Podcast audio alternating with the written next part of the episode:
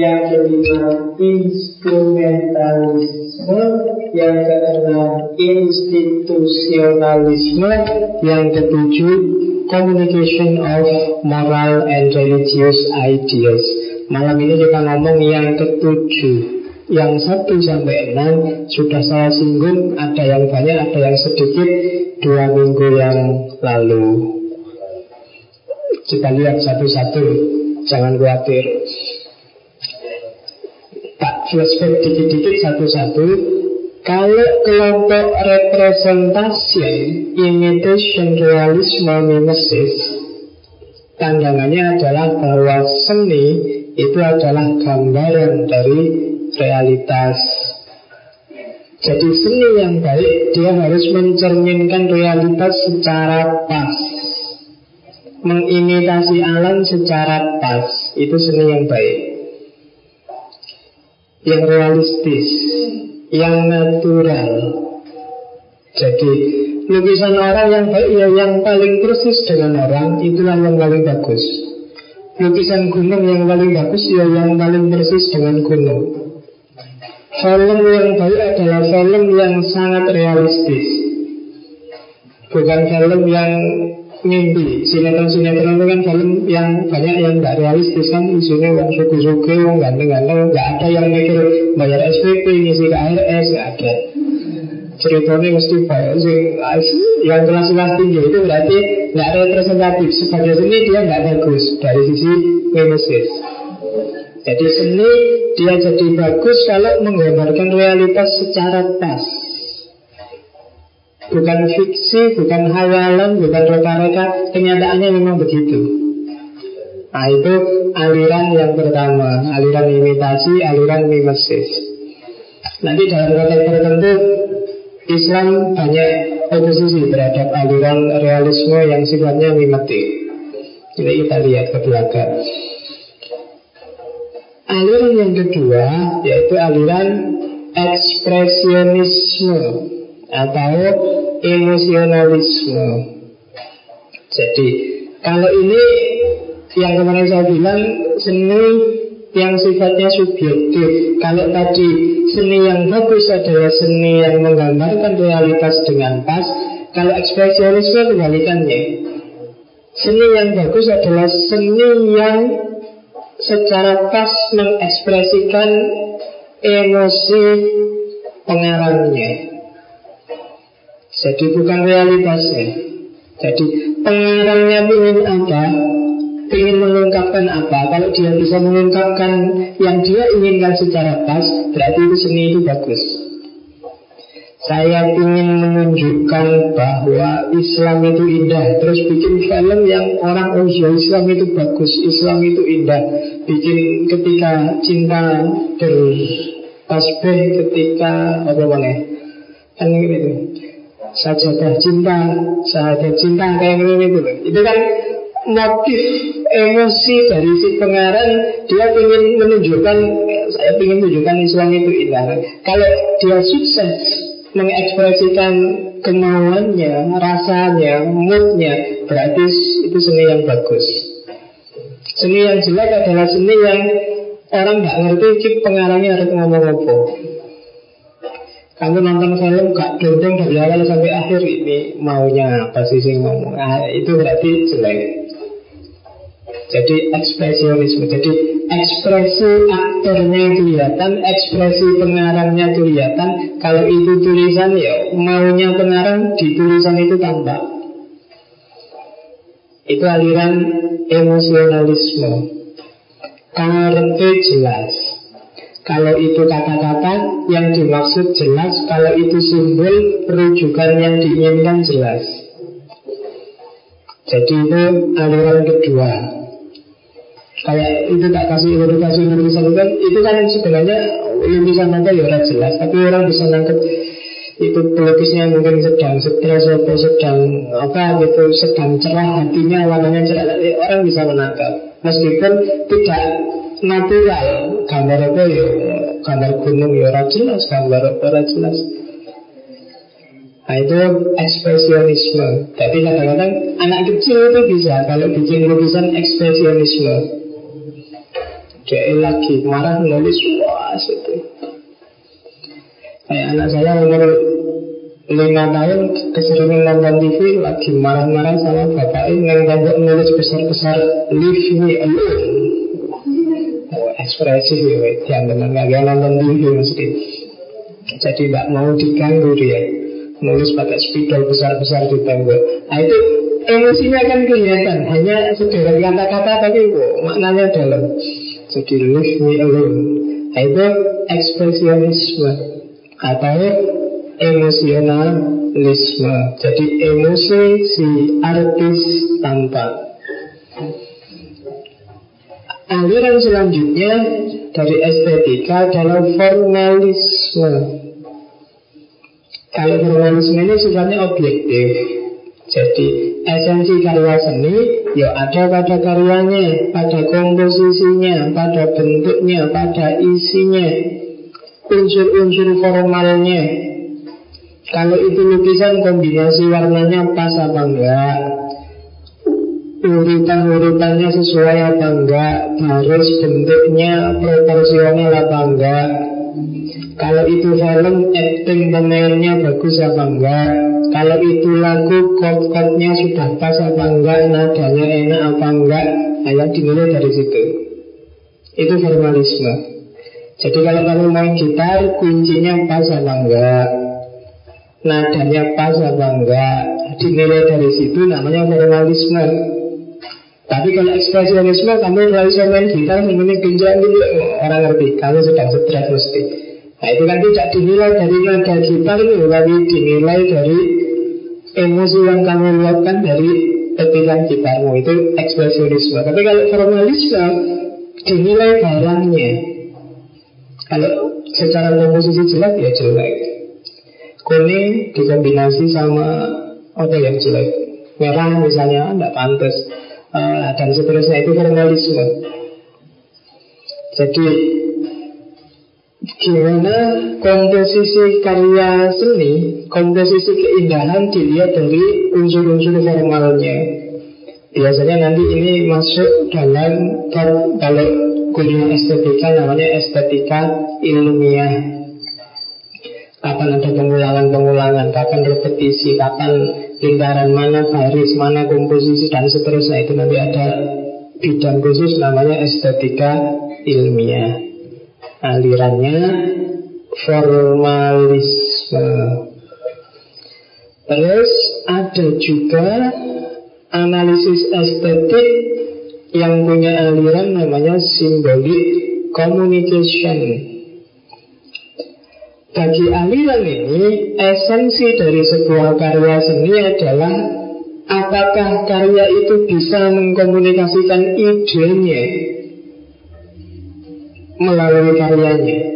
Jadi karya itu kan biasanya nggak berhenti di karya, ada visinya, ada ide, ada walasan yang ingin disampaikan.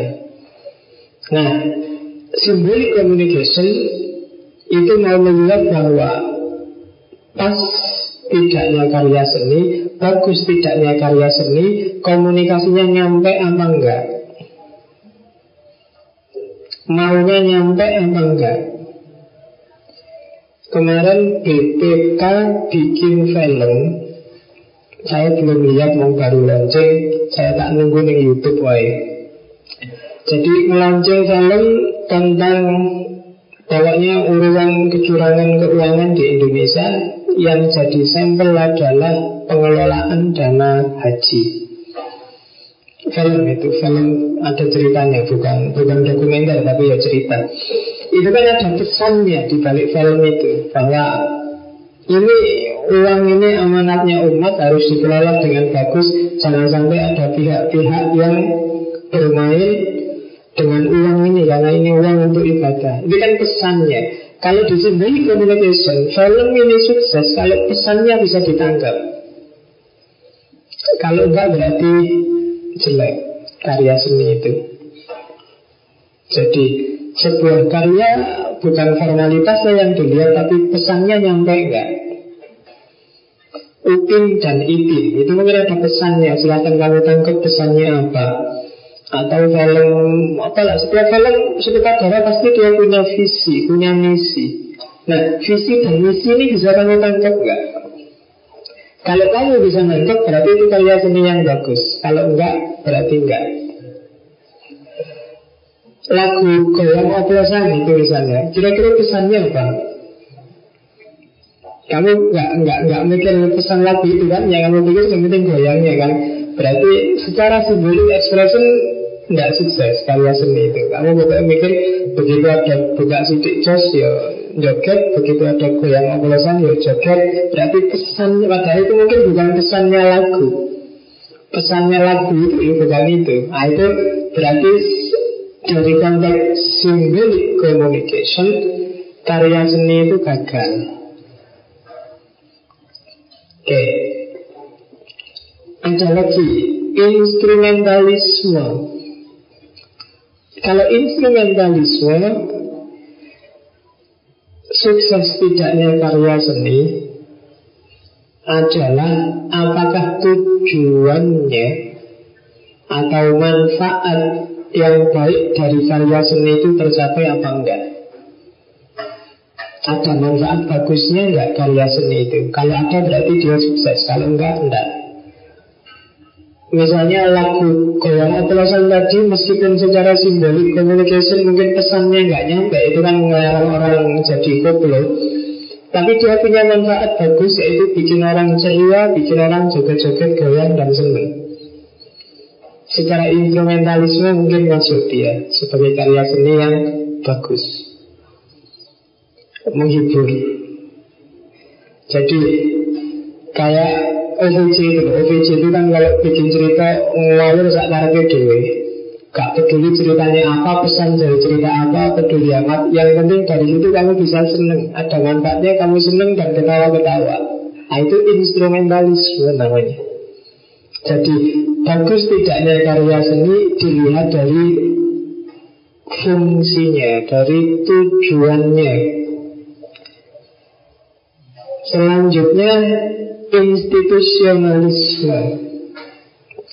Kalau institusionalisme itu bukan kita yang menilai. Jadi bagus tidaknya karya seni, indah tidaknya karya seni itu hanya lembaga-lembaga atau orang-orang yang berkompeten yang berhak ngomong.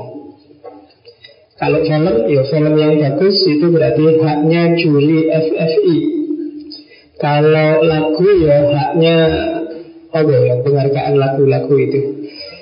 Oh, Emmy Award, Grammy Award, nah itu dia yang punya hak. Kita nggak tahu yang bagus yang mana. Vokalis yang bagus ya yang ngerti paling Ahmad Dhani, terus Anang, terus nah itu. Jadi dia itu namanya institusionalisme. Ada lembaga yang dipandang memiliki otoritas untuk memberi nilai sebuah karya seni.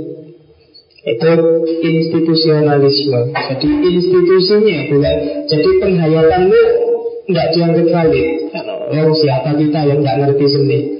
Kita nggak ngerti lagu. Kita ngertinya enak nggak enak Maka nggak valid. Kalau institusionalisme ya Kalau ingin ngerti lagu bagus mana Nggak bagus mana ya Tanya juri-jurinya Indonesian Idol. Tanya juri-jurinya X Factor. Tanya ah, itu institusionalisme namanya Tanya dosen isi yang ngerti musik Tanya. Kan itu Jadi institusinya. Itu aliran kesekian. Dan malam ini Kita sebenarnya mau ngomong ini. Jadi Esensi dari seni Sebenarnya punya level yang lebih tinggi Yaitu Sebenarnya ini sama kayak non-verbal communication tadi. Cuma secara umum Non-verbal communication yang ingin disampaikan dalam seni Biasanya adalah moral atau religious ideas. Secara umum Karena mungkin nanti ada karya seni tertentu yang tidak peduli dengan moral dan religius Tapi sebagian besar karya seni itu biasanya membawa visi, membawa nilai moral atau nilai religius. Makanya kadang-kadang kalau kamu baca kritik-kritik film itu kan selalu ditanyakan pesan moralnya apa sih? Kan selalu begitu. Apakah itu musik, apakah itu film, apakah itu lukisan Itu selalu orang tanya pesan moralnya apa Dan religiusitas Jadi apa fungsinya untuk spiritualitas Jadi seni yang baik Berarti seni yang membuat penikmatnya Membuat penghayatnya bisa menangkap nilai-nilai moral religius yang disampaikan. Setelah kamu mendengarkan lagu goyang operasan tadi terus kamu sadar sudah lagu tidak akan koplo lagi misalnya. Setelah kamu dengar lagu buka sidik jazz kamu terus sadar ah sudah lagu tidak usah buka-buka lagi atau setelah kamu ada nuansa moral, nuansa religius yang muncul dari dirimu berarti seni itu sukses. Itu teori ketujuh dari estetika. Jadi besok kalau kamu mau melakukan analisis estetik atau mau bikin skripsi atau tesis dari perspektif estetik, kamu bisa ambil satu di antara tujuh teori yang saya sebut di depan. Kamu bisa pakai melacak aspek moral dan religiusnya atau mau kritik institusinya mau masuk dari aspek instrumennya simbolik communicationnya formalnya, ekspresinya atau representasi yang digambarkan atau pakai tujuh-tujuhnya sekaligus yo kalau bisa syukur untuk belajar estetika jadi rangkuman dari pertemuan estetika dua minggu yang lalu itu tujuh teori ini. Malam ini kita masuk ke agama. Ini tema utama kita. Apa hubungannya agama dengan estetika? ya agama nanti ujungnya di Islam. Ini Muslim semua tuh? Ada yang nggak Islam? Nggak apa-apa sebenarnya. Cuma nanti di sini belakangan mengerucutnya nanti ke Islam, meskipun tak awali dari agama. Jadi tujuan agama, kenapa ada agama? Itu sebenarnya etika. Maka Nabi bilang, Innama istu liutamima makarimal ahlak. Fikih itu cuma jalannya Tasawuf itu penghayatannya Fokusnya ada pada etika Etika itu kan perilaku kita, hubungan kita dengan Allah, dengan Tuhan, dengan manusia dan dengan alam semesta. Jadi manusia kan kalau di Quran kan kita punya dua fungsi, satu fungsi sebagai hamba Allah, sebagai Abdullah, yang kedua fungsi sebagai Khalifatullah, Khalifahnya Allah. Dan dua-duanya itu kan etika. Bagaimana hubungan kita dengan Allah sebagai hamba dan bagaimana hubungan kita dengan sesama manusia, dengan alam semesta sebagai khalifah. Jadi Kenapa Islam ada untuk mengatur hubungan Dan itu pasti etika, moralitas Nah, tujuannya etika. Kenapa sih orang harus diatur? Kenapa hubungan sama Allah, hubungan sama manusia Hubungan sama semesta harus diatur? Karena Orang butuh rasa tentram. Kita butuh rasa aman. Kita butuh rasa tertib. Kenapa kita harus jadi khalifah? Karena harus tertib. Hidup ini harus nyaman. Hidup ini harus tentram Kenapa kita berhubungan dengan Allah harus bagus? Karena kita punya fitrah Kalau enggak Hubungan kita kalau sama Allah jelek juga kita tidak akan tentram, tidak akan nyaman Jadi ternyata tujuan etika itu ada pada rasa Dan kalau itu rasa Ya berarti domainnya adalah estetika keindahan. Jadi agama Yang ada fikihnya, yang ada kalamnya, yang ada tasawufnya Itu sebenarnya muaranya ada pada untuk mengatur hubungan kita dengan Allah, hubungan kita dengan manusia, hubungan kita dengan sesama. Dan itu nama lain dari etika. Dan kalau itu etika, sebenarnya dia muncul untuk menata hidup kita, sehingga kita merasa nyaman, merasa tentram, merasa aman. Dan kalau itu rasa, berarti kita sedang ngomong tentang estetika.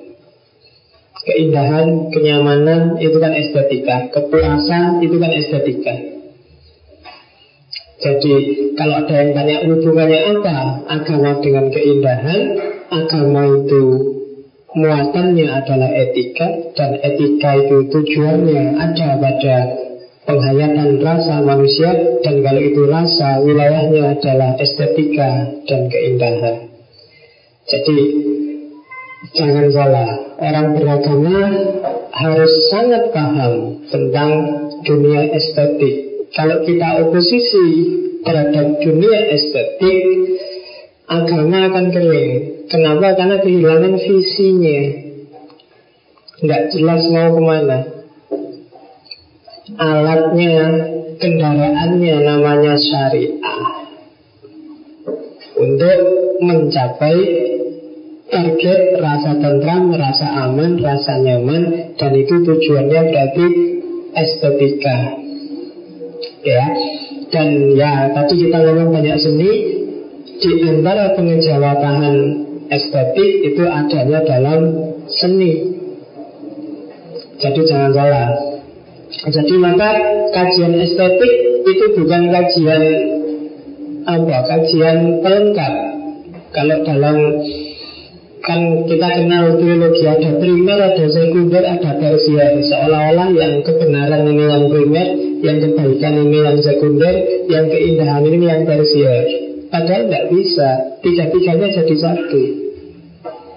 Agama itu kebenaran Tapi adanya agama untuk etika kebaikan itu bersama. Dan muaranya etika adalah pada keindahan rasa.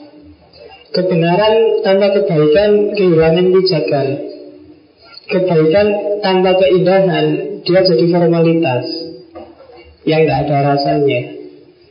Maka tiga-tiganya jadi satu. Maka dalam Islam Iman, Islam, Ihsan itu nggak boleh pisah. Itu yang disebut Islam yang kafah Agama dan keindahan Oke ini teori yang agak panjang dari yang tak ringkaskan tadi. Nanti silahkan kamu baca, saya nggak harus jelaskan. Jadi bagaimana agama butuh ekspresi material dan ekspresi perilaku yang ekspresi itu sebenarnya sama dengan ekspresi seni. Nanti kamu baca aja di situ. Nggak perlu tak jelaskan panjang. Intinya sebenarnya ini. Karena ini dulu mantan saya lupa presentasi di mana tentang Islam dan seni. Yang lebih penting ini. Jadi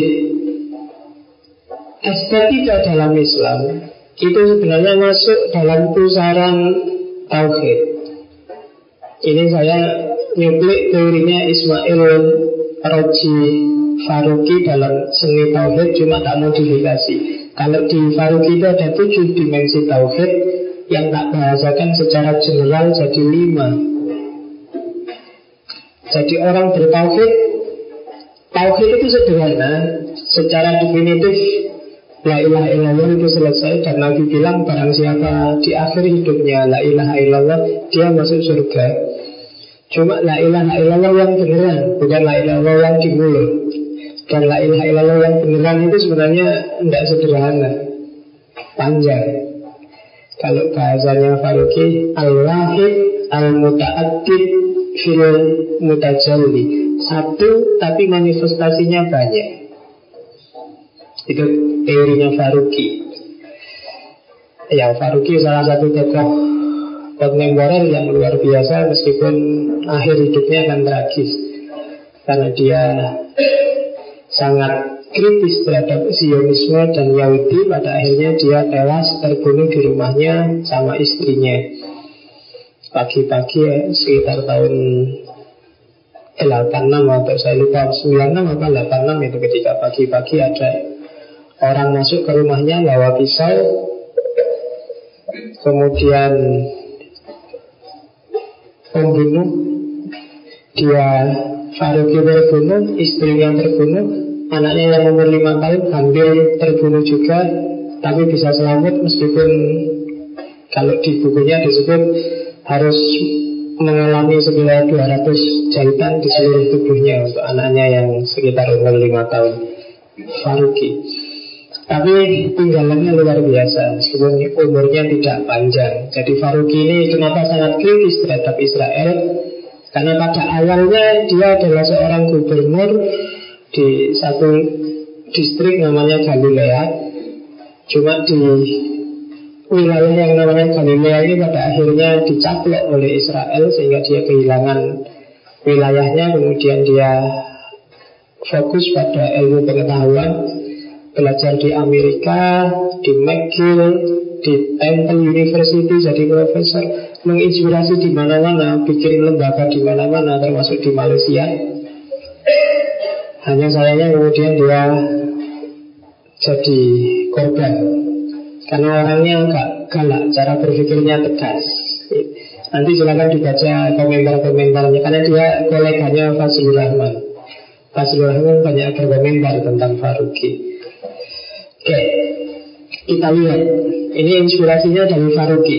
Jadi kalau kita sudah deklarasi sebagai seorang muslim, sebagai seorang muwahhid yang bertauhid, tidak selesai hanya dengan asyhadu alla ilaha illallah wa asyhadu anna muhammadar rasulullah la ilaha illallah muhammadur rasulullah. Tapi ada beberapa implikasi yang harus kita tanggung, yang harus kita lakukan. Jadi karena ini nyawanya Islam itu tauhid. Implikasi yang pertama adalah implikasi doktrinal implikasi doktrinal itu hidup kita harus tauhid. Tauhid itu doktrin itu doktrin yang dualistik. Doktrin yang dualisme. Jadi dalam hidup ini hanya ada dua variabel yaitu kholik dan makhluk. Implikasi doktrinal berarti hanya kholik dan makhluk dalam hidup kita. Selain kholik semuanya makhluk. Semuanya selevel, semuanya egaliter. Tidak boleh ada tindas menindas Tidak boleh ada zalim mendolimi Tidak boleh ada saling mendiskriminasi. Karena semuanya satu level dan egaliter. Itu implikasi doktrinal maka seorang muslim tidak boleh sombong, tidak boleh merasa tinggi hati, tidak boleh merasa besar, tidak boleh merasa benar sendiri. Itu implikasi dari tauhid.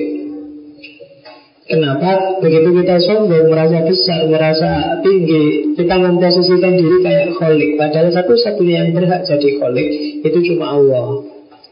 Tidak boleh ada yang kita tinggikan apa pun itu, baik itu ustadz, guru, rektor, bahkan presiden, uang, pacar, nggak boleh ada yang lebih tinggi. Semuanya sejajar. Ya kalau saya sama orang tua sejajar, iya sejajar. Sama pacar juga sejajar. Semuanya sejajar, semuanya makhluk. Tidak boleh ada yang diposisikan lebih tinggi selain Allah. Itu implikasi doktrinal Ada implikasi ritual Implikasi ritual itu ada beberapa hak khusus Yang diminta oleh Allah Ketika kita sudah deklarasi kalau minta waktu kita sebentar dalam sehari lima waktu, dalam setahun satu bulan, kalau mampu zakat, kalau mampu haji, dan itu implikasi ritual. Jadi kalau kita sadar kok tidak mau ritual itu omong kosong kalau dalam teorinya Faruqi itu kayak kamu bilang I love you tapi SMS nggak mau, meraktir nggak mau, jemput nggak mau, nganter nggak mau, Ah, sama juga bro, meskipun kamu bilang cintaku mendalam setinggi gunung, setinggi lautan, tapi suruh jemput gak mau, hujan, masa datang jemput segala, itu berarti implikasi ritualnya kurang. Jadi kalau ada yang bilang saya Islam tapi tidak usah sholat juga tidak apa-apa kan? Enggak. Ketika kamu deklarasi bahwa Allah Tuhanmu buktinya apa? Antara lain ritual. Yang ketiga implikasi intelektual implikasi intelektual itu makrifat. Kamu harus tahu siapa Allah, siapa Rasul, agamamu segala seluk-beluknya, ikhwalnya itu implikasi intelektual. Kalau kamu cuma deklarasi aja nggak ngerti yang kamu percaya itu siapa, yang kamu ikuti siapa, yang kamu yakini siapa, belum bertauhid. Maka orang pinter tauhidnya insya Allah lebih bagus daripada orang yang tidak pinter. Maka tauhid mensyaratkan orang harus pinter sehingga cari ilmu itu wajib. Itu implikasi dan kalau di Nurholis Masjid punya teori namanya teori tasfir Manusia itu bisa jadi khalifah di alam semesta Bila menaklukkan alam semesta Tidak sebaliknya ditaklukkan oleh alam semesta Kalau dia pinter Kenapa orang dulu sampai nyembah pohon, nyembah laut? Karena dia merasa tidak berdaya di hadapan laut, di hadapan pohon. Maka dia harus berjaya, dia harus menang, dia harus ngerti ilmunya, biar tidak takluk oleh laut, oleh pohon. Maka semakin pintar orang, kualitas tauhidnya biasanya semakin tinggi.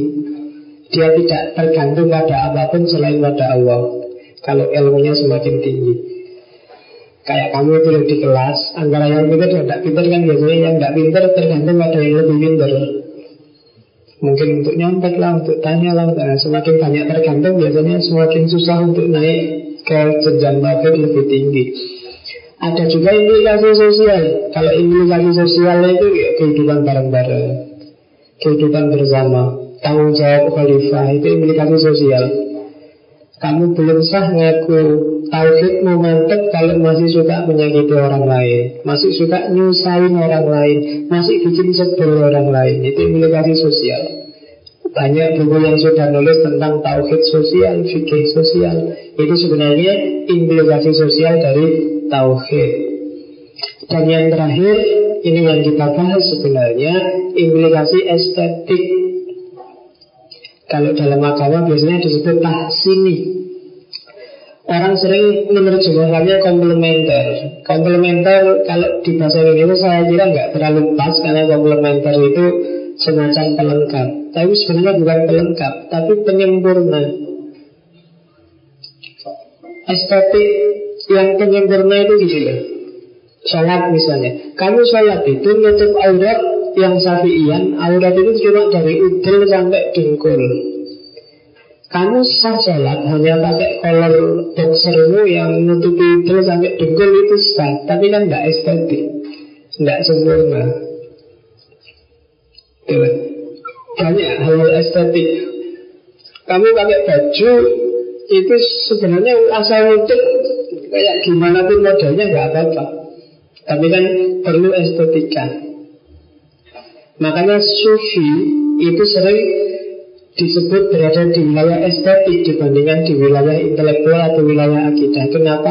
Karena sufi menyempurnakan. Sufi itu kan sebenarnya orang sudah sah salat lima waktu, dia nambahi dengan amalan-amalan sunnah yang banyak. Dia nambahi dengan mukoroba, dengan riyadhah dan seterusnya. Dia menyempurnakan. Itu estetik. Jadi dimensi penyempurna.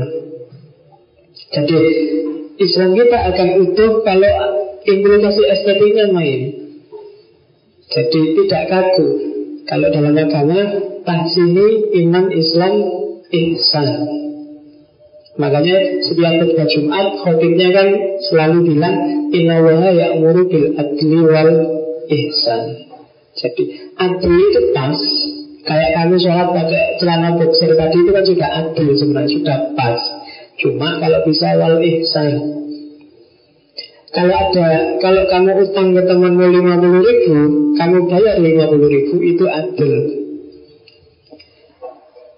Kamu minta bayaran. Tapi kalau kamu ngutangi temanmu 50 ribu, tidak kamu lagi kamu ikhlasan sudah lah, nggak usah dibayar, nah, itu ihsan. Jadi dia bayar 50 ribu itu adil, tapi dia nggak usah bayar itu ihsan. Atau kamu zakat dua setengah persen itu sudah adil karena itu. Tapi kamu tambahin jadi lima persen zakatmu, yang dua setengah persennya lagi itu namanya ihsan. Dan agama sangat suka dengan sini dengan tambahan ihsan tadi. Makanya disebut dimensi penyempurna. Ngaji filsafat ini sebenarnya nggak ada satu pun dalil nggak ada. Kamu cari ayat hadis Qurannya nggak ada. Tapi mungkin dia masuk ke dimensi estetik sini.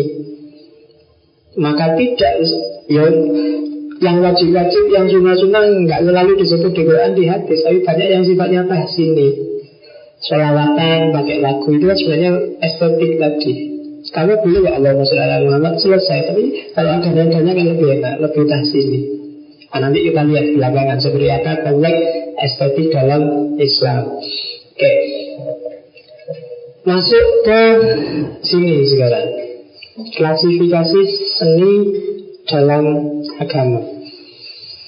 Kalau ini teorinya Syed Hussein Nasr Estetika religius Jadi ada seni suci, seni sakral, ada seni tradisional atau seni religius.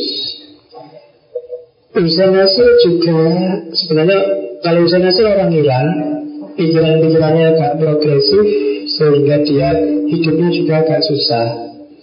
Karena dia harus terusir dari Iran dan terlunta-lunta di luar negeri meskipun dia jadi profesor terkenal diundang ke mana-mana. Jadi jangan-jangan orang-orang besar itu ternyata jarang yang hidupnya nyaman. Maka bersyukurlah jadi orang Indonesia. Seperti apa pun pikiranmu nggak sampai segitunya lah. Meskipun gejala-gejala beberapa ke arah situ ada, cuma semoga nggak nyampe. Oke, okay. hmm. seni dalam agama kalau di Nasr ada seni sakral. Seni sakral itu seni yang berhubungan langsung dengan praktek-praktek utama agama, kehidupan spiritual, kaligrafi, baca Quran, apalagi sholawatan, tibaan, berjanji, Tantangan, tartil, apalagi Itu kan seni yang berhubungan langsung dengan kehidupan spiritual kita. Adan Ya kan? Koma Dan Tidak mungkin orang Islam itu anti seni. Kalau ada yang bilang anti seni impossible. Dalam banyak variabel peribadatan Orang butuh seni. Ngimami aja yang butuh seni kalau ngimami nggak enak nadanya juga merusak konsentrasi iman ya, konsentrasi makmumnya juga kacau tidak garu-garuan. Jadi kamu nggak jadi mikir itu mikir imamnya. Aduh, Nah, tapi kamu mikir imam sembahyangnya aku kan kita cuci kacau panjang pendeknya ya nggak punya estetika sama sekali. Maka butuh estetika Kalau nggak ada estetika nggak ada seni nggak enak agama itu. Akan juga begitu. Akan Allah Akbar Allah Akbar Setelah bisa sah Cuma kan nggak enak. Saya pernah datang ke masjid Kalau kamu teriak-teriak sampai suaramu putus nggak ada yang datang. Apalagi nggak enak. Maka ada seni yang sakral. Ngaji sudah begitu. Ada langgangnya Ada ya suaranya Ada itu seni ada ya kebalikannya seni profan. Kalau seni profan itu tidak ada hubungannya sama agama sama sekali dan tidak menginspirasi ke sana sama sekali. Kalau dalam bahasanya Nasir tidak membawa ke Allah sama sekali. Tidak menggiringmu menjadi lebih baik, tidak memunculkan gairah religiusitas, spiritualitas. Kamu bisa merasakan sendirilah. Oh, Seni yang kayak gimana yang yang seperti itu. Tapi tak sebut-sebut misalnya goyang oplosan.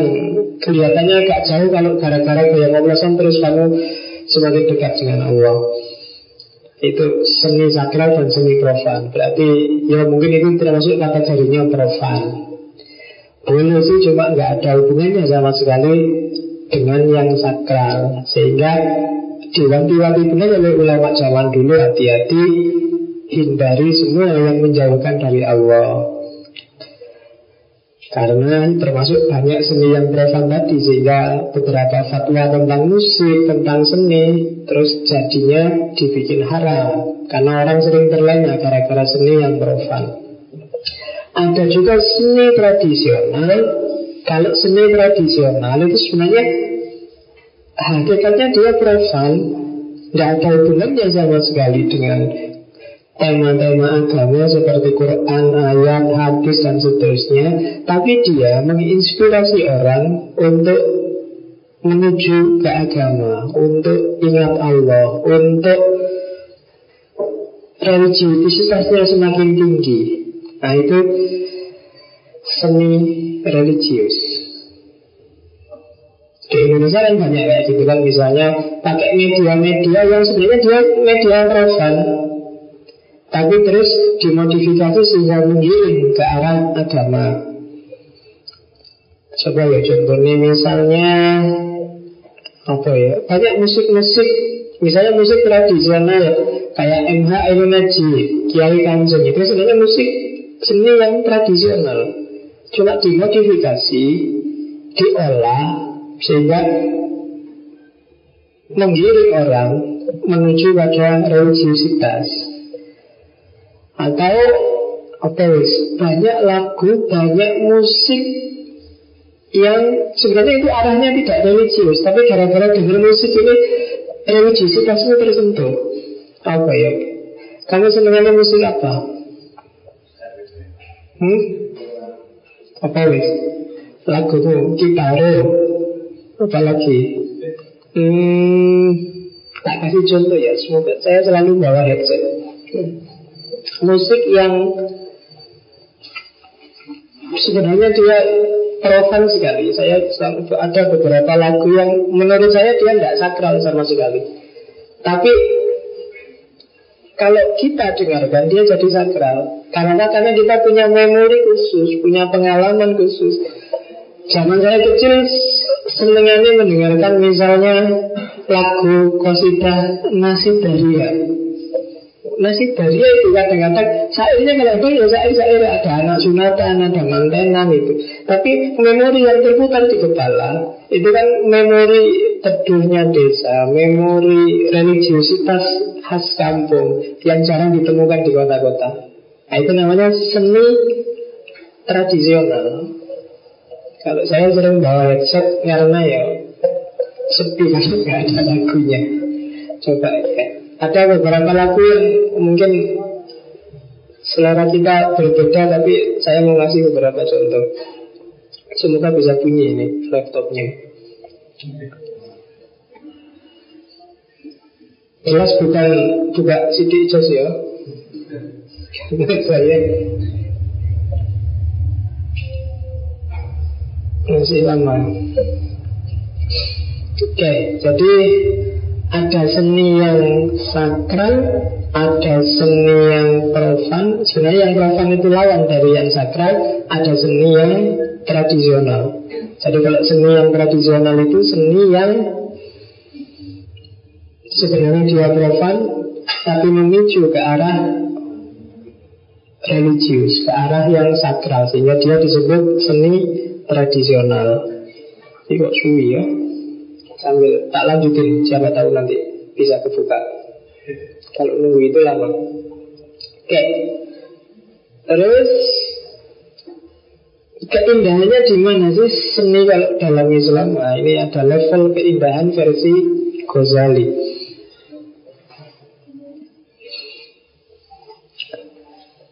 Nah, kita masuk seni tadi ada keindahan indrawi. Keindahan indrawi itu keindahan yang sensual, fisik. Hanya berhenti di mata, berhenti di tangan, di lidah, di bau, di telinga. Itu keindahan fisik. Tidak masuk ke dalam. Jadi sensual lebih dalam dari keindahan fisik itu keindahan emotif, imajinatif. Jadi rasa. Kalau kita makan, makan enak itu keindahan indrawi. Tapi makan kenyang itu keindahan emotif, rasa. Jadi kalau Oke, jenis kemarin kan jelas Kalau cakep di luar itu keindahan indrawi Kalau inner beauty itu keindahan emotif, imajinatif. Oke. Okay. Wanginya parfum itu indrawi. Tapi kamu suka atau tidak, puas atau tidak dengan wangi itu, itu keindahan emotif, imajinatif. Ada yang suka mawar, ada yang suka melati, ada yang tidak suka minyak wangi, ada yang suka bau jeruk, ada yang itu emotif. Lagu rock, lagu jazz, bagi kamu yang suka musik rock dan suka musik jazz, itu keindahannya imajinatif emotif. Tapi yang tidak suka dia hanya sensual Berhenti di telinga. Kamu tidak bisa ekstase, tidak bisa puas. Jadi yang satu fisikal Yang satu menimbulkan kepuasan batin. Ada yang lebih tinggi dari sekedar kepuasan batin Yaitu keindahan rasional, akliyah. Yang masuk akal, keindahan ilmu, keindahan pengetahuan dari tidak tahu menjadi tahu itu kan indah luar biasa. Kamu tadi sekedar kenyang, sekarang ngerti kenapa kok kamu kenyang. Ada mekanisme apa dalam tubuhmu yang bikin kamu kenyang. Itu indah, kamu paham.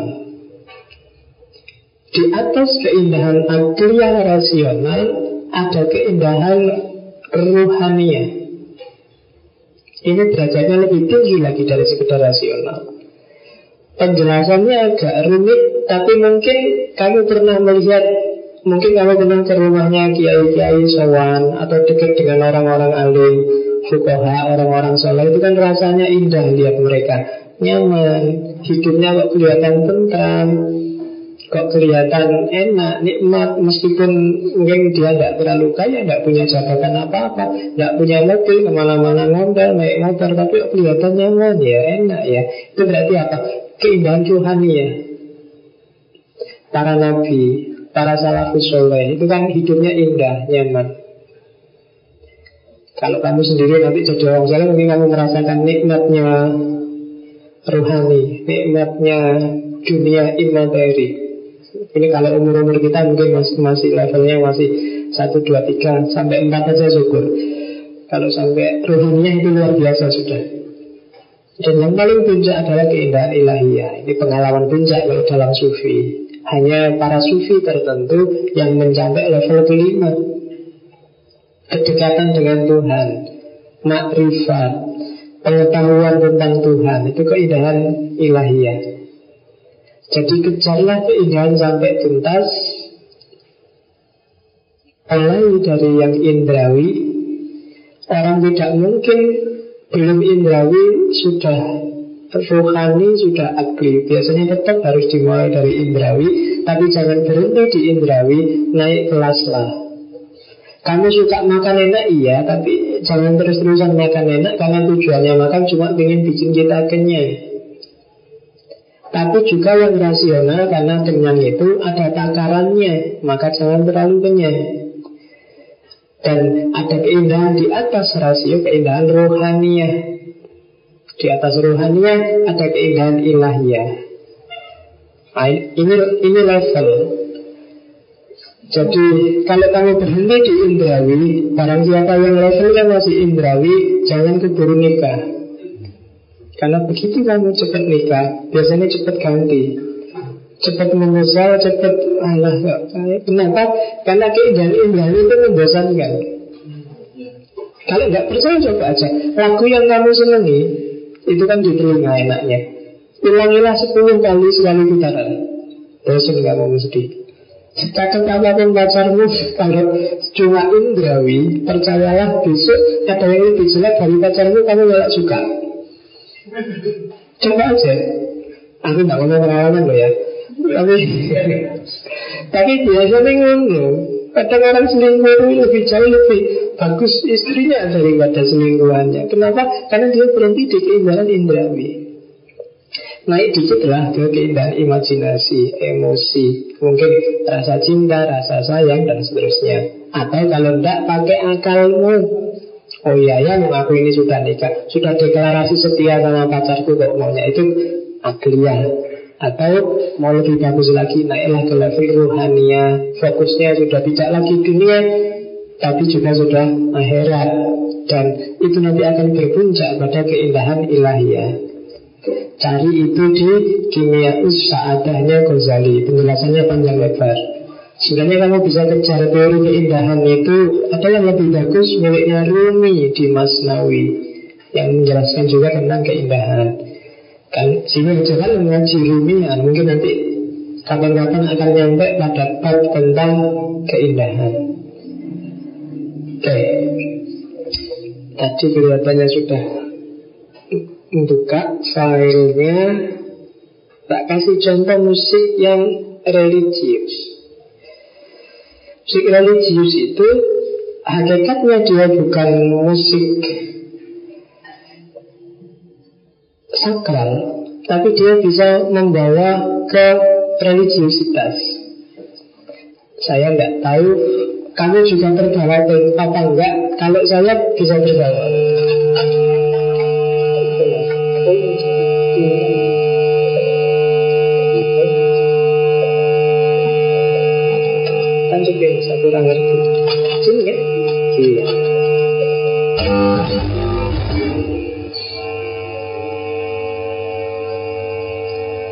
Ini tak bawa karena saya suka uh, sebenarnya tiap minggu ganti cuma tak ambil dari beberapa kalau kita harus segala. Biasanya kalau naik motor sambil sini malam-malam enak. Asalnya nggak ngantuk. Nah, dengan nyari inspirasi kan gitu. Oke. Mungkin kamu akrab dengan beberapa nadanya Thank you.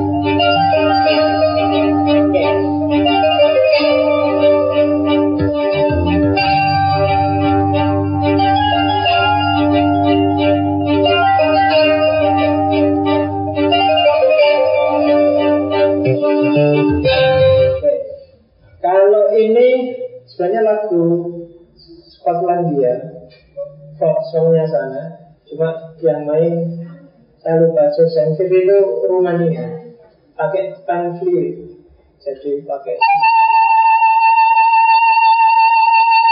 Karena tidak Islam, tidak ada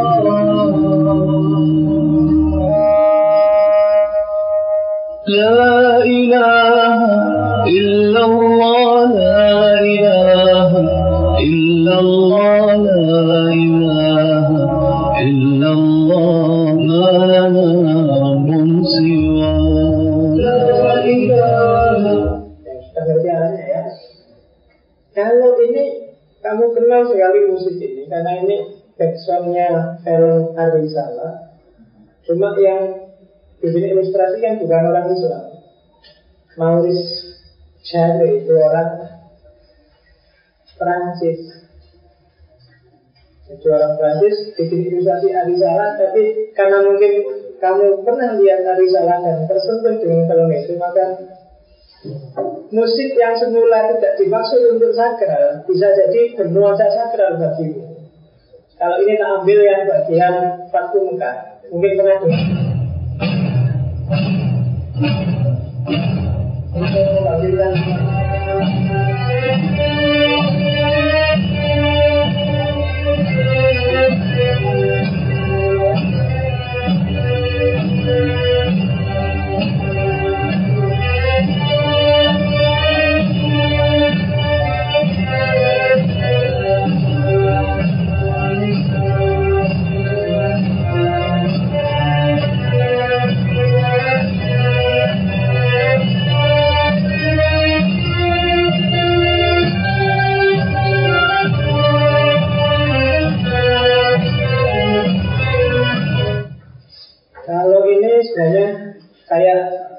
Misari cuma dia hadat alwinya Turki Namanya Masud Sulsi Ya sebelumnya Masud Ozila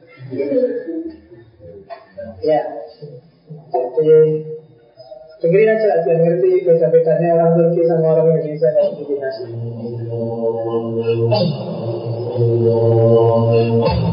Wow.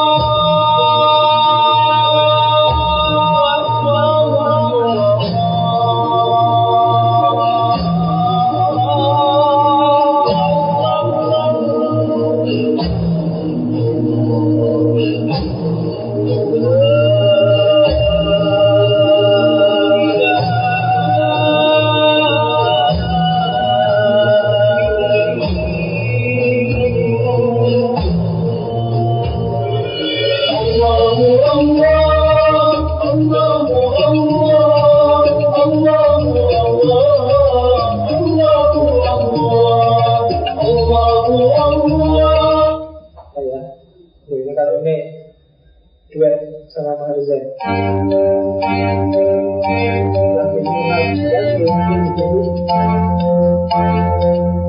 you.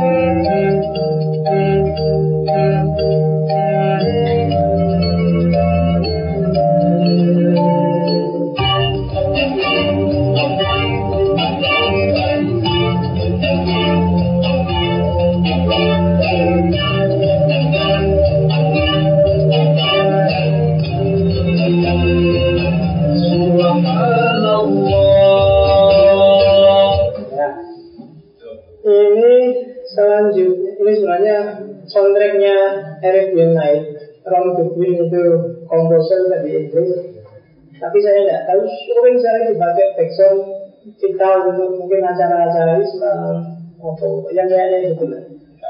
Mungkin kamu pernah dengar yang kayak gini misalnya. Silakan.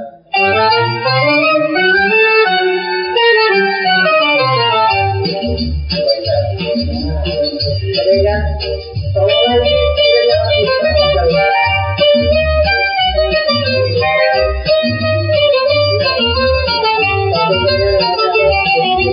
kan, soalnya ini Solim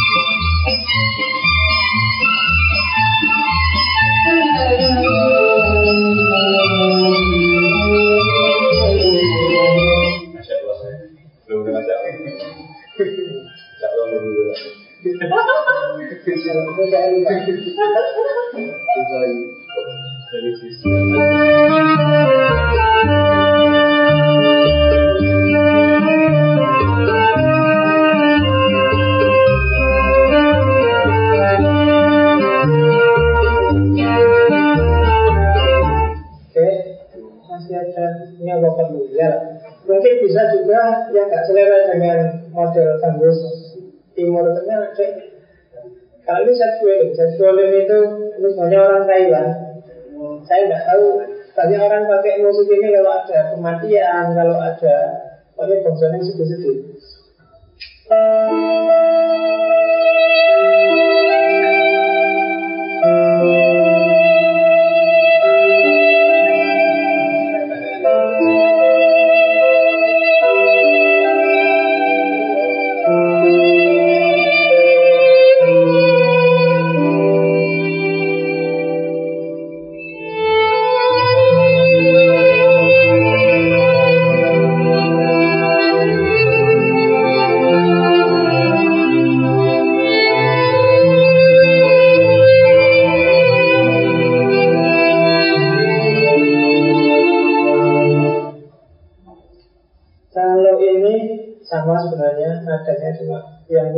secret garden itu duo yang satu pakai violin, yang satu pakai piano, kombinasi Irlandia sama Norwegia, cowok dan cewek. Cuma nadanya mungkin harus akrab.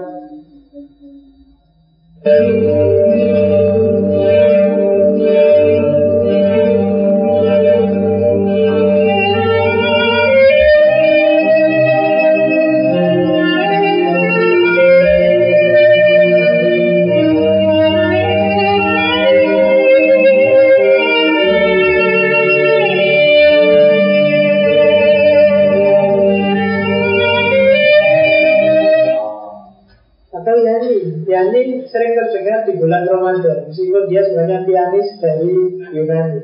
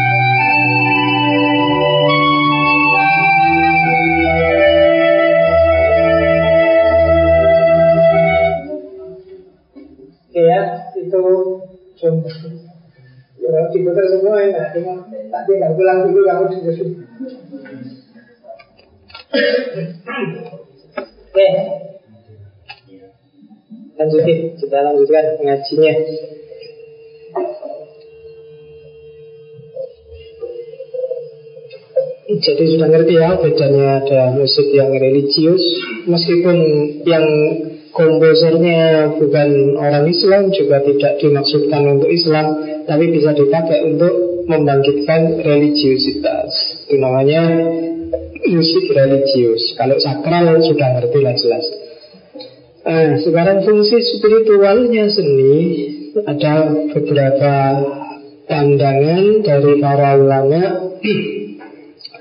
Yang pertama fungsi tawajud. Jadi seni itu akan indah dan sukses kalau dia bisa membawa penikmatnya mencapai mutmainnah. Bikin jiwa tenang, bikin jiwa sadar hubungan dengan Tuhan. Yaitu fungsi tawajud. Membawa pada pemahaman tentang wujud. Bagaimana kita wujud yang sementara berhadapan dengan wujud besar yang sejati yang namanya Allah Sehingga jiwa kita tenang dan tentram tidak gelisah. Itu fungsinya seni menurut Ghazali. Kalau menurut Rizwan Bakli Fungsi seni adalah tajarrud Tajarrud itu membebaskan jiwa dari alam benda melalui sesuatu yang berasal dari benda. Musik, lukisan, film, syair, lagu itu kan benda. Tapi dengan sarana benda tadi kita bisa terbebas dari kebendaan. Dengan mendengarkan musik yang berasal dari piano, dari gitar, dari violin, dari organ, dari macam-macam, kita bisa mengalami ekstase, bebas dari kebendaan. Itu namanya tajarut. Bisa juga kalau katanya Rumi, seni adalah untuk tazkiyatun nafas. Membersihkan diri dari bentuk melalui bentuk. Itu mirip tajarut. Jadi membersihkan diri dengan lagu, membersihkan diri dengan tarian. Kalau di Rumi kan ada tarian yang sama, gitu kan? Jadi itu kan sebenarnya fisik sifatnya, ada bentuknya. Cuma tujuannya untuk bebas dari bentuk. Itu namanya tasdiyatun nafas. Kemudian hikmah musik sering membangkitkan kearifan yang baru dalam menghadapi hidup. Kadang dengar musik, tiba-tiba kamu dapat wawasan baru, tiba-tiba kamu punya kesadaran baru. Itu hikmah namanya. Jadi yang semula buntu sekali tiba-tiba dengar musik, hatimu terbuka, pikiranmu dapat ide baru, terinspirasi oleh hal baru. Itu namanya fungsi hikmah dari seni. Ada juga fungsi dakwah Ya fungsi dakwah itu dengan seni orang bisa menyebarkan gagasan, menyebarkan ide, menyebarkan informasi lewat syair, lewat lagu, lewat buku, lewat cerpen, lewat puisi, lewat itu namanya fungsi dakwah. Dan yang terakhir fungsi mata, fungsi puji-pujian. Jadi fungsi membesarkan Allah, mengagungkan Allah itu fungsi mata. Jadi Seni punya fungsi yang luar biasa. Itu saya nulisnya salah. Kalau kamu perhatikan itu tidak empat Tapi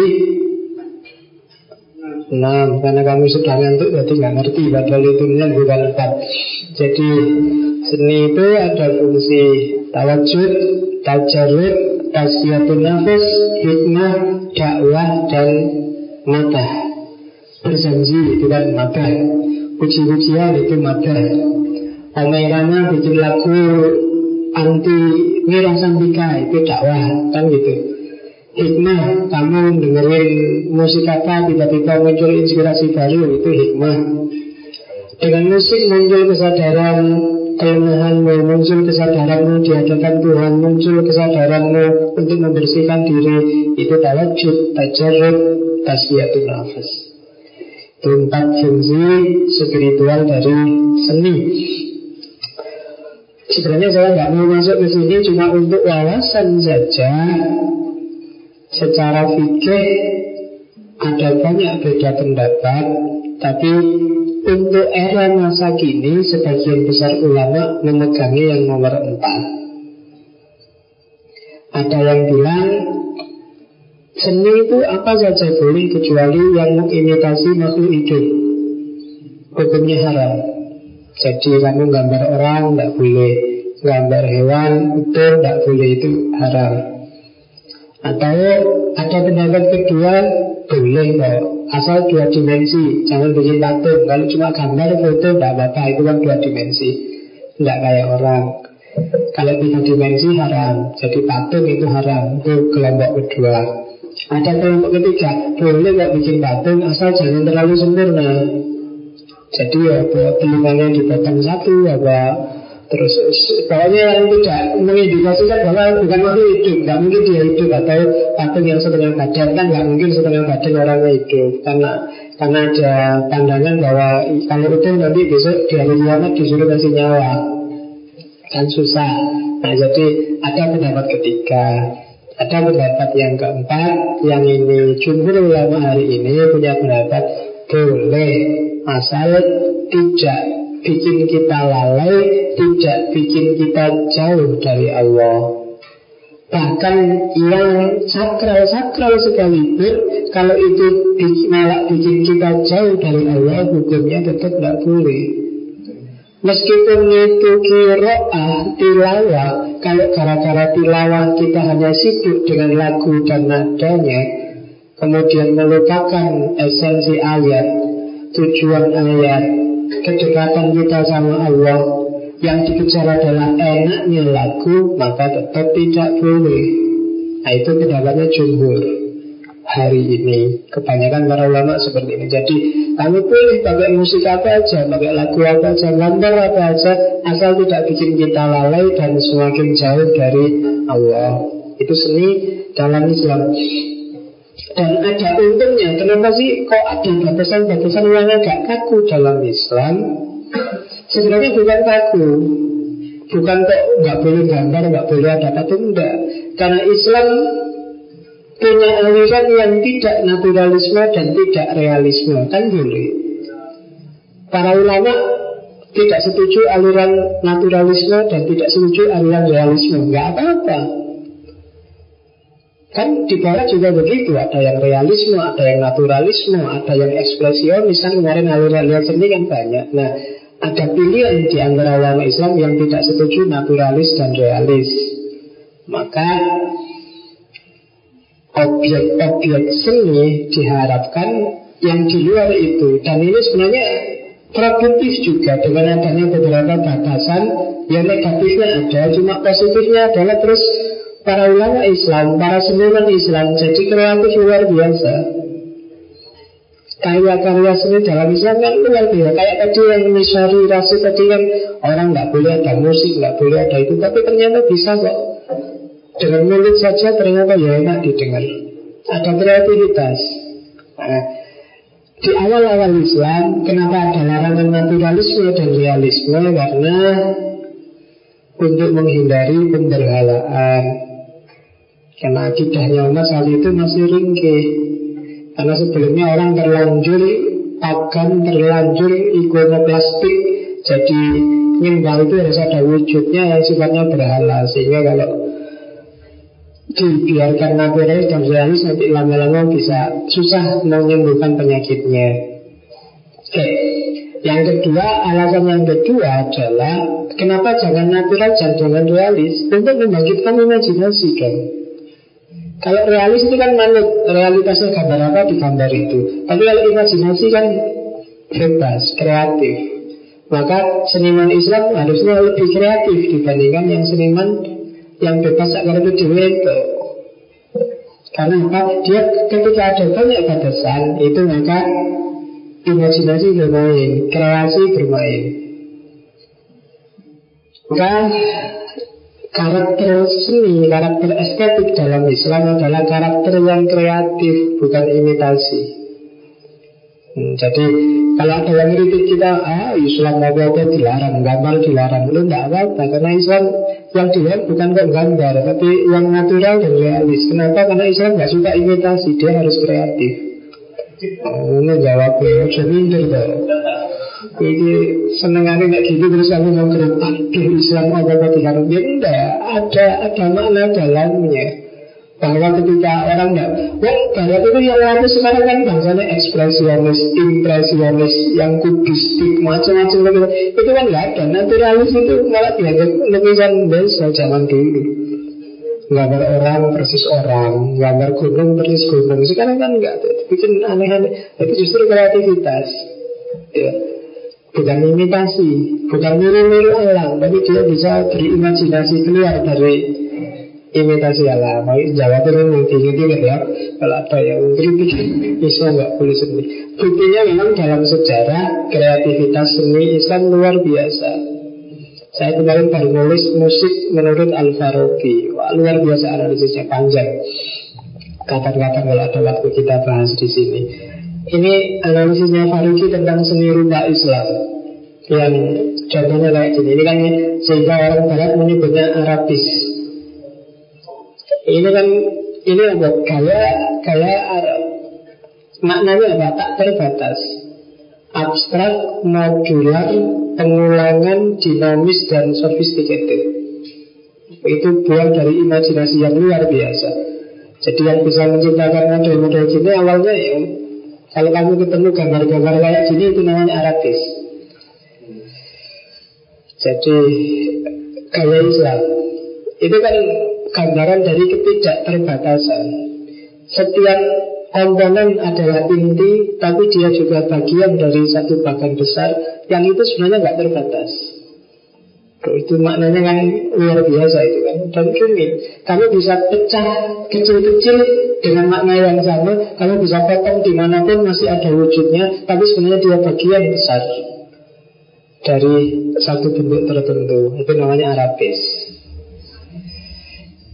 Bangunannya UIN saya lupa ada beberapa ornamen di UIN kan ada juga yang gambar-gambar kotak-kotak yang warnanya oranye itu.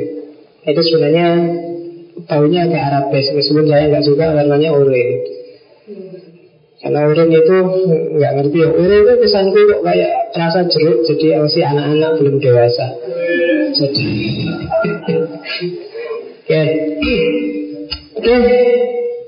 Itu estetika hari ini. Jadi visi hari ini adalah jangan takut untuk mengelola dunia seni, dunia estetika karena agama tidak akan sempurna tanpa estetika, tanpa seni. Ya kayak tadi lah, baik itu yang sifatnya sakral maupun yang sifatnya religius. Yang sakral berarti yang langsung berhubungan dengan agama, yang religius yang punya konotasi keagamaan atau bisa disambungkan dengan sakralitas. Kayak musik, film, kadang-kadang filmnya film barat sekali, tapi membuka religiositas, bikin kamu nangis, bikin kamu ingat Allah, bikin kamu merasa bersalah, merasa bertobat. Nah, itu namanya seni religius. Tidak harus seni yang sakral untuk mengiring kita pada Tuhan. Jadi parameter seni itu sederhana Apakah dia bikin kita lalai dari Tuhan, dari kesejatian hidup Atau semakin dekat dengan kesejatian. Kalau bikin kita semakin jauh berarti dia seni yang perasaan tidak sakral Sia-sia, mending dijauhi. Tapi kalau semakin mengasah kesejatian Mendekatkan kita pada Allah Berarti dia seni yang religius, seni yang sakral. Dan itu mungkin tidak terpaku bentuknya Mungkin bentuknya tilawatul Quran MTQ tapi sakralitasnya hilang karena bau yang dominan adalah bau kompetisi, bau rebutan hadiahnya tapi nilai religiusitas yang mendekatkan pada Allahnya semakin jauh. Bisa seperti itu. Dan ada yang ditanyakan biasanya nggak ada sih. Eh, takok, yuk takok. Ya ada kecenderungan bertahap sama seperti masuk di misalkan jadi kita harus melakukan dulu atau pas itu yang serius dulu karena ada teman-teman yang bangun itu. Saya saya mengalir terus fokus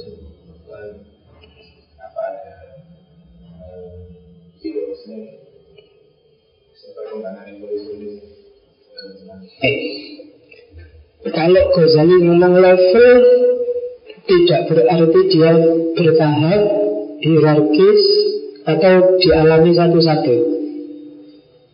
Level itu Dalam hidup setiap orang harus punya lima itu. Hilang salah satu Dia tidak kafah. Orang tidak bisa menikmati keindahan indrawi Tidak disebut manusiawi Kalau dalam Islam.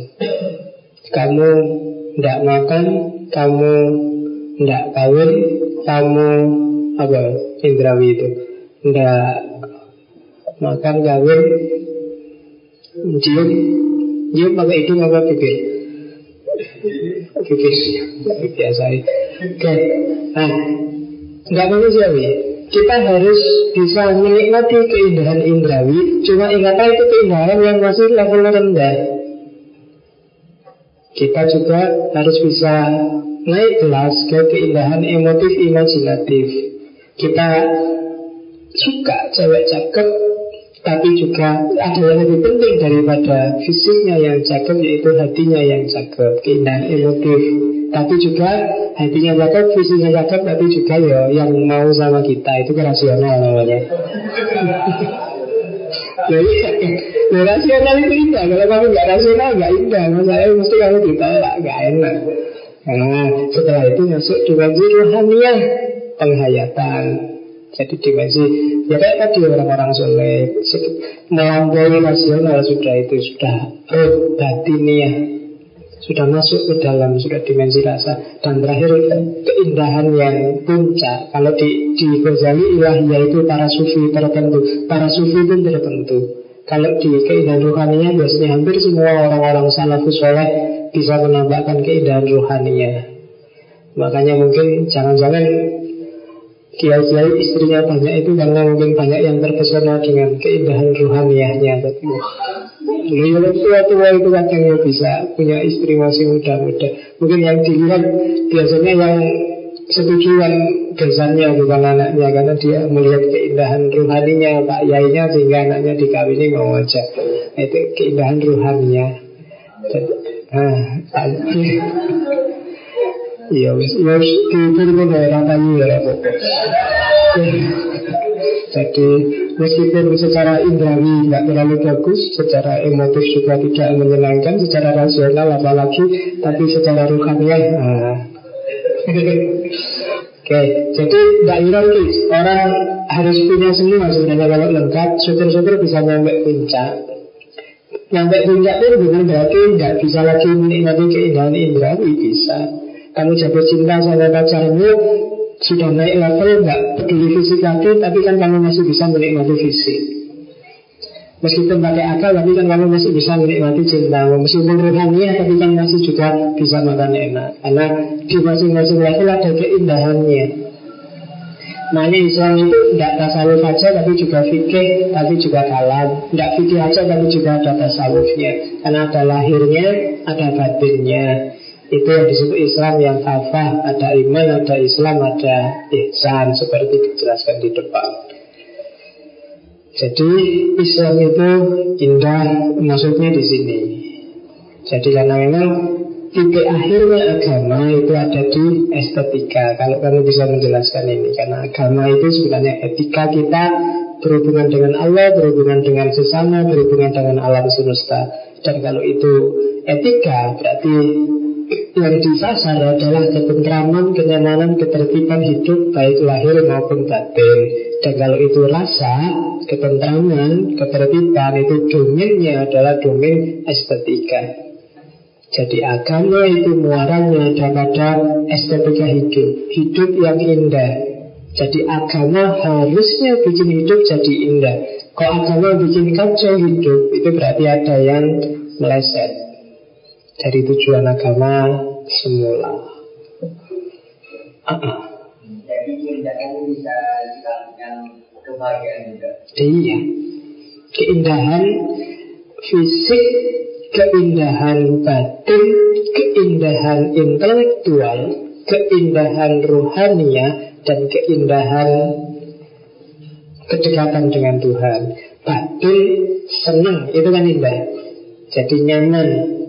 Hujan-hujan itu secara fisik tidak enak. Tapi ketika kamu gandengan sama pacarmu Sebelas awakan hujan jadi indah, enak. Kamu bisa nulis di blog Hujan-hujan berdua. Indah sekali. Padahal ketika kamu sendirian hujan-hujan Kamu lari menang-menang nyari payung, nyari jas hujan. Begitu berdua dia jadi indah.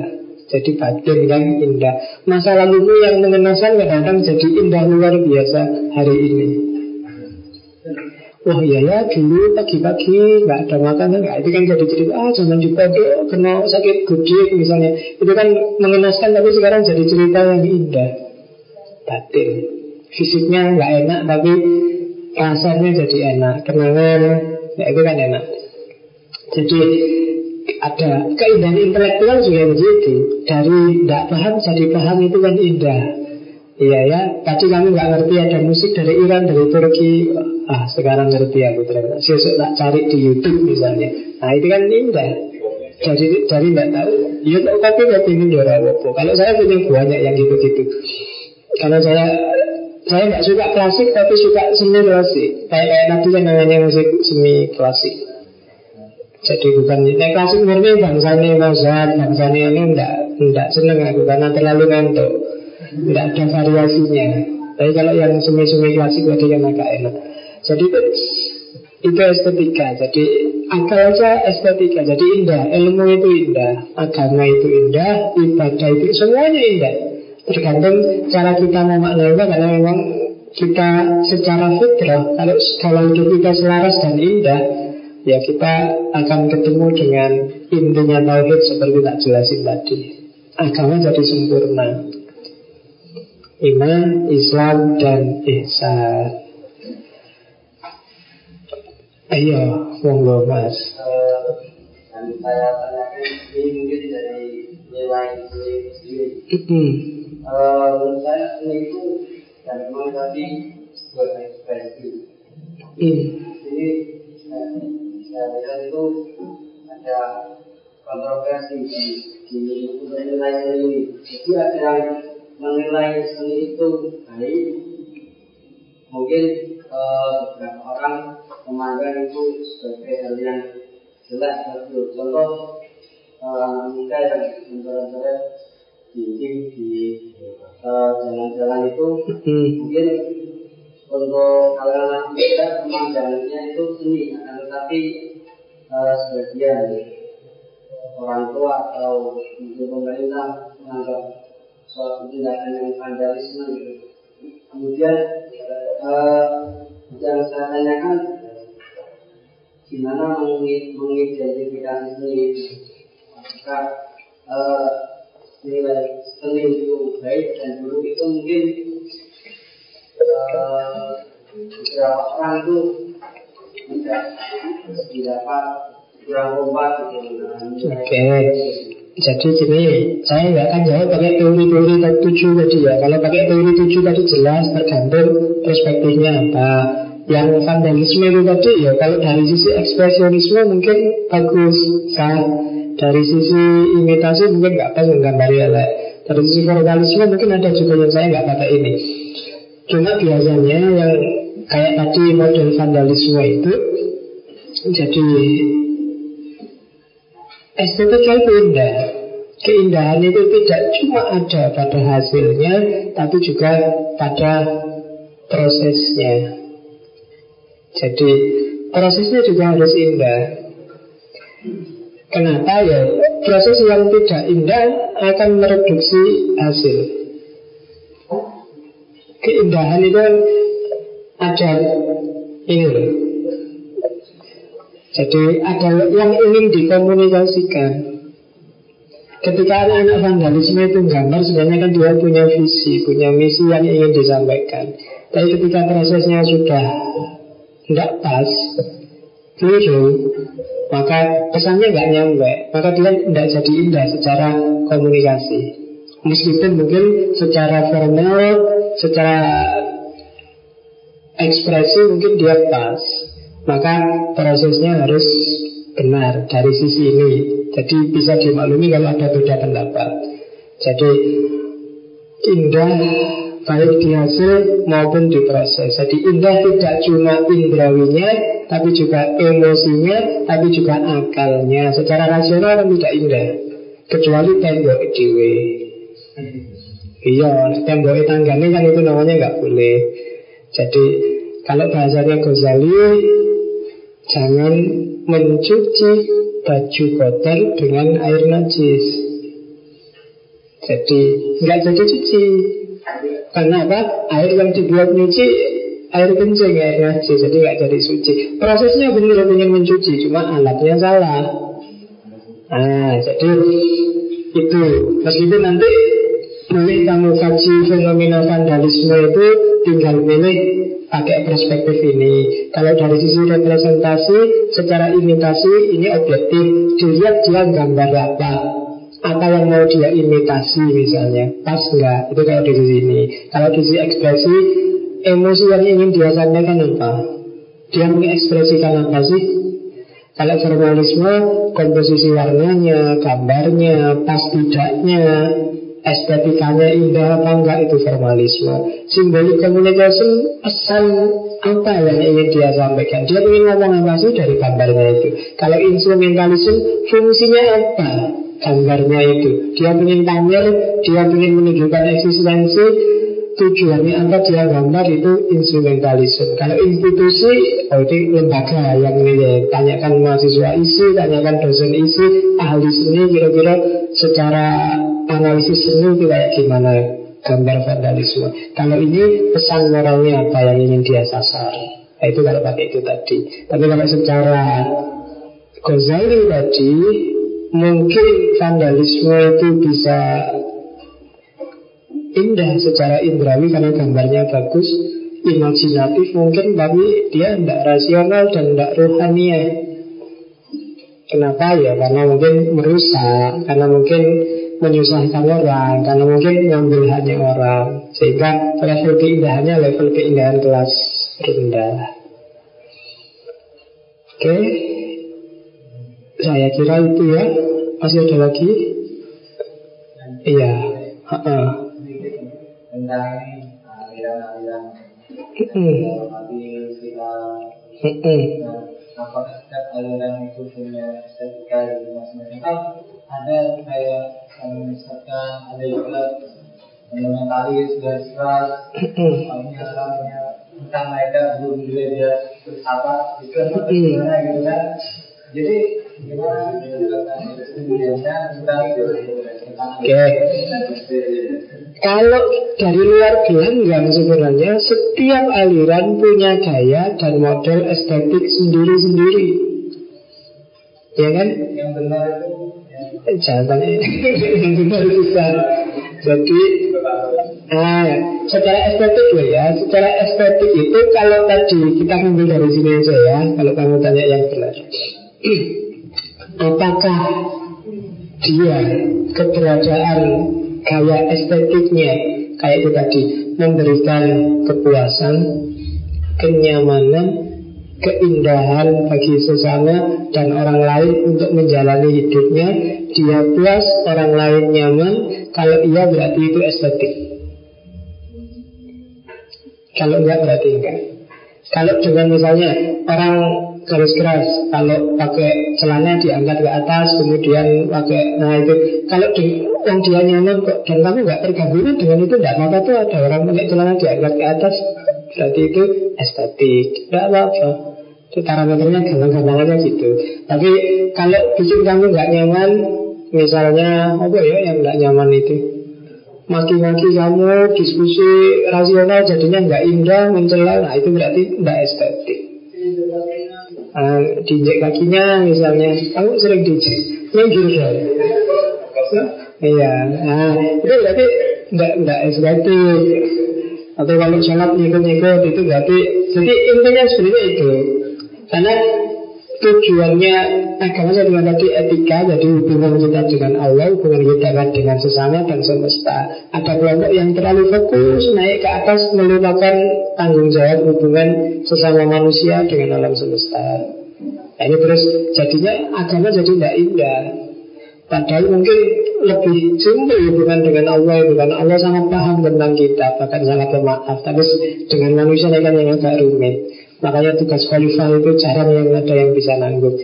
Jadi kalau cari parameter itu aja mas. Jadi apakah bikin puas dan nyaman orang sekelilingnya? Bikin enak ngelihatnya bikin Nah itu. Kalau merasa nggak nyaman bagi kamu jadi berarti nggak indah, nggak estetik. Tapi kok ternyata malah bikin instabilitas, bikin kacau, bikin aneh itu berarti anu, meleset dari tujuannya agama. Agamanya jadi nggak indah. Padahal agama itu diikuti minimal aja yang bil adli tadi itu insya Allah sudah indah. Apalagi ditambahi wal ihsan. Mesti jadi luar biasa Islam itu.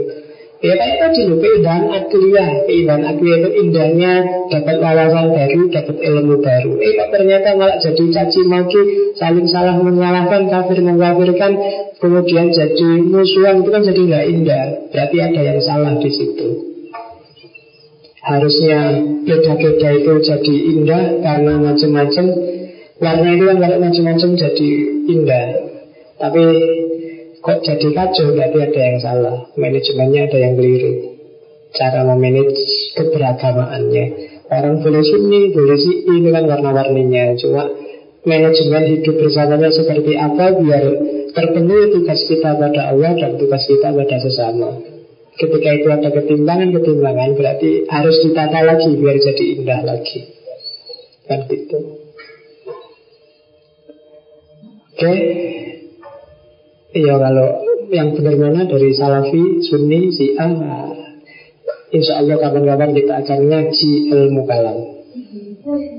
Kalau di kampus saya kadang-kadang ngajarnya ilmu kalam Berarti ngomong yang gitu-gitu Cuma kalau tak omongin di sini jadi panjang Sebenarnya Faruqi coba dicari tadi ya Yang seni tauhid itu ada beberapa bagian dia nyinggung itu tentang gimana aliran-aliran punya gaya estetik sendiri-sendiri termasuk si A.